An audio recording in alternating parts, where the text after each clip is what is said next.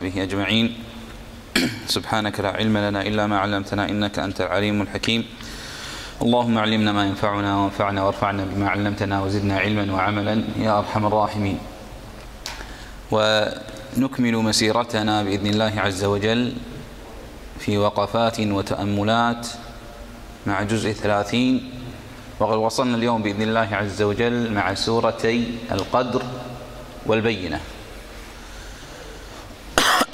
يقول الله عز وجل مفتتحا سورة القدر التي جعل لها قدرا عاليا ومنزلة كريمة فخصها بأفضل الشهور وأفضل الأيام وأفضل الليالي في العام.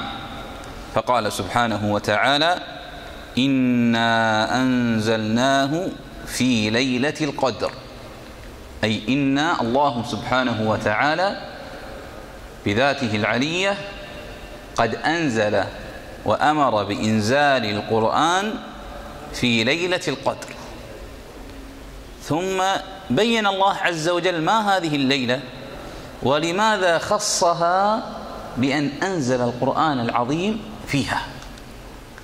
فالقرآن العظيم كما لا يخفى عليكم نزل على طريقتين.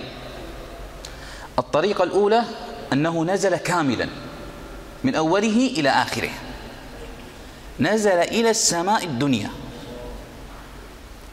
ثم نزل منجما أي مفرقا في ثلاث وعشرين سنة أي مبعث النبي صلى الله عليه وسلم. فكان جبريل كلما تحدث حادثة يأمره الله عز وجل أن ينزل بالآيات التي تختص بهذه الحادثة. إلى أن اكتملت الثلاث وعشرين سنة فاكتمل نزول القرآن منجما. لكن أول ما نزل إلى السماء الدنيا نزل كاملا. ثم بعد ذلك نزل على النبي صلى الله عليه وسلم منجما على حسب الأحداث. فقال سبحانه وتعالى إنا أنزلناه في ليلة القدر. ثم قال وما أدراك ما ليلة القدر؟ ليلة القدر خير من ألف شهر. هذه الليلة العظيمة التي خصها الله عز وجل بأن أنزل القرآن فيها هي أفضل وليست هي مثل هي خير من ألف شهر ليس فيه ليلة القدر. يعني كأنها أكثر من 84 سنة ليس فيها هذه ال 84 سنة ليلة القدر.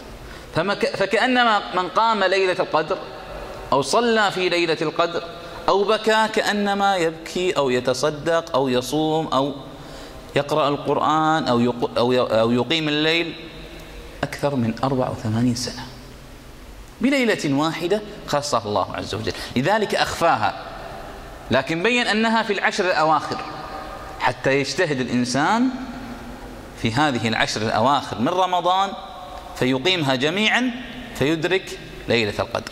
فقال ليلة القدر خير من ألف شهر. لماذا؟ تنزل الملائكة والروح فيها. أي تتنزل الملائكة؟ ملائكة خاصين لا ينزلون طول العام إلا في هذه الليلة. لماذا؟ لأنها ليلة القدر. والروح من هو الروح؟ هو جبريل عليه السلام. ينزل مع هؤلاء الملائكة خصوصا من أجل ليلة القدر.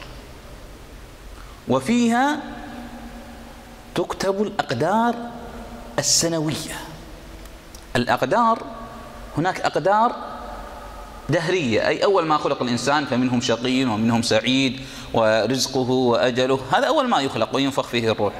وهناك أقدار سنوية. هذه الأقدار السنوية تنزل كل ليلة قدر. فيمحو الله ما يشاء ويثبت سبحانه وتعالى. فقال إن أنزلناه في ليلة القدر وما أدراك ما ليلة القدر. ليلة القدر خير من ألف شهر. تنزل الملائكة والروح فيها أي في ليلة القدر بإذن ربهم. من كل أمر من كل أمر أي أمر مقدر في طوال العام.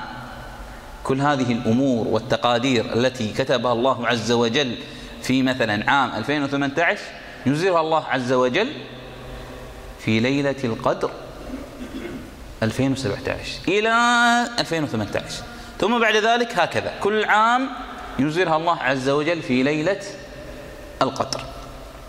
قال تنزل الملائكة والروح فيها بإذن ربهم من كل أمر. سلام هي. أي هذه الليلة فيها سلام وفيها أمان وفيها طمأنينة وراحة. لماذا؟ لأن الملائكة تتنزل.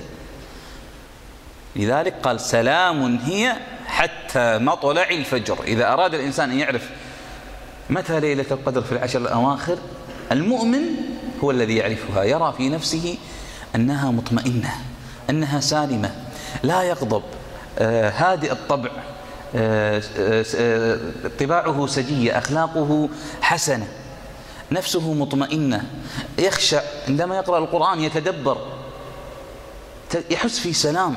وأمن وسمو في الروح. قال سلام هي حتى مطلع الفجر أي جميع الليلة حتى يخرج الفجر.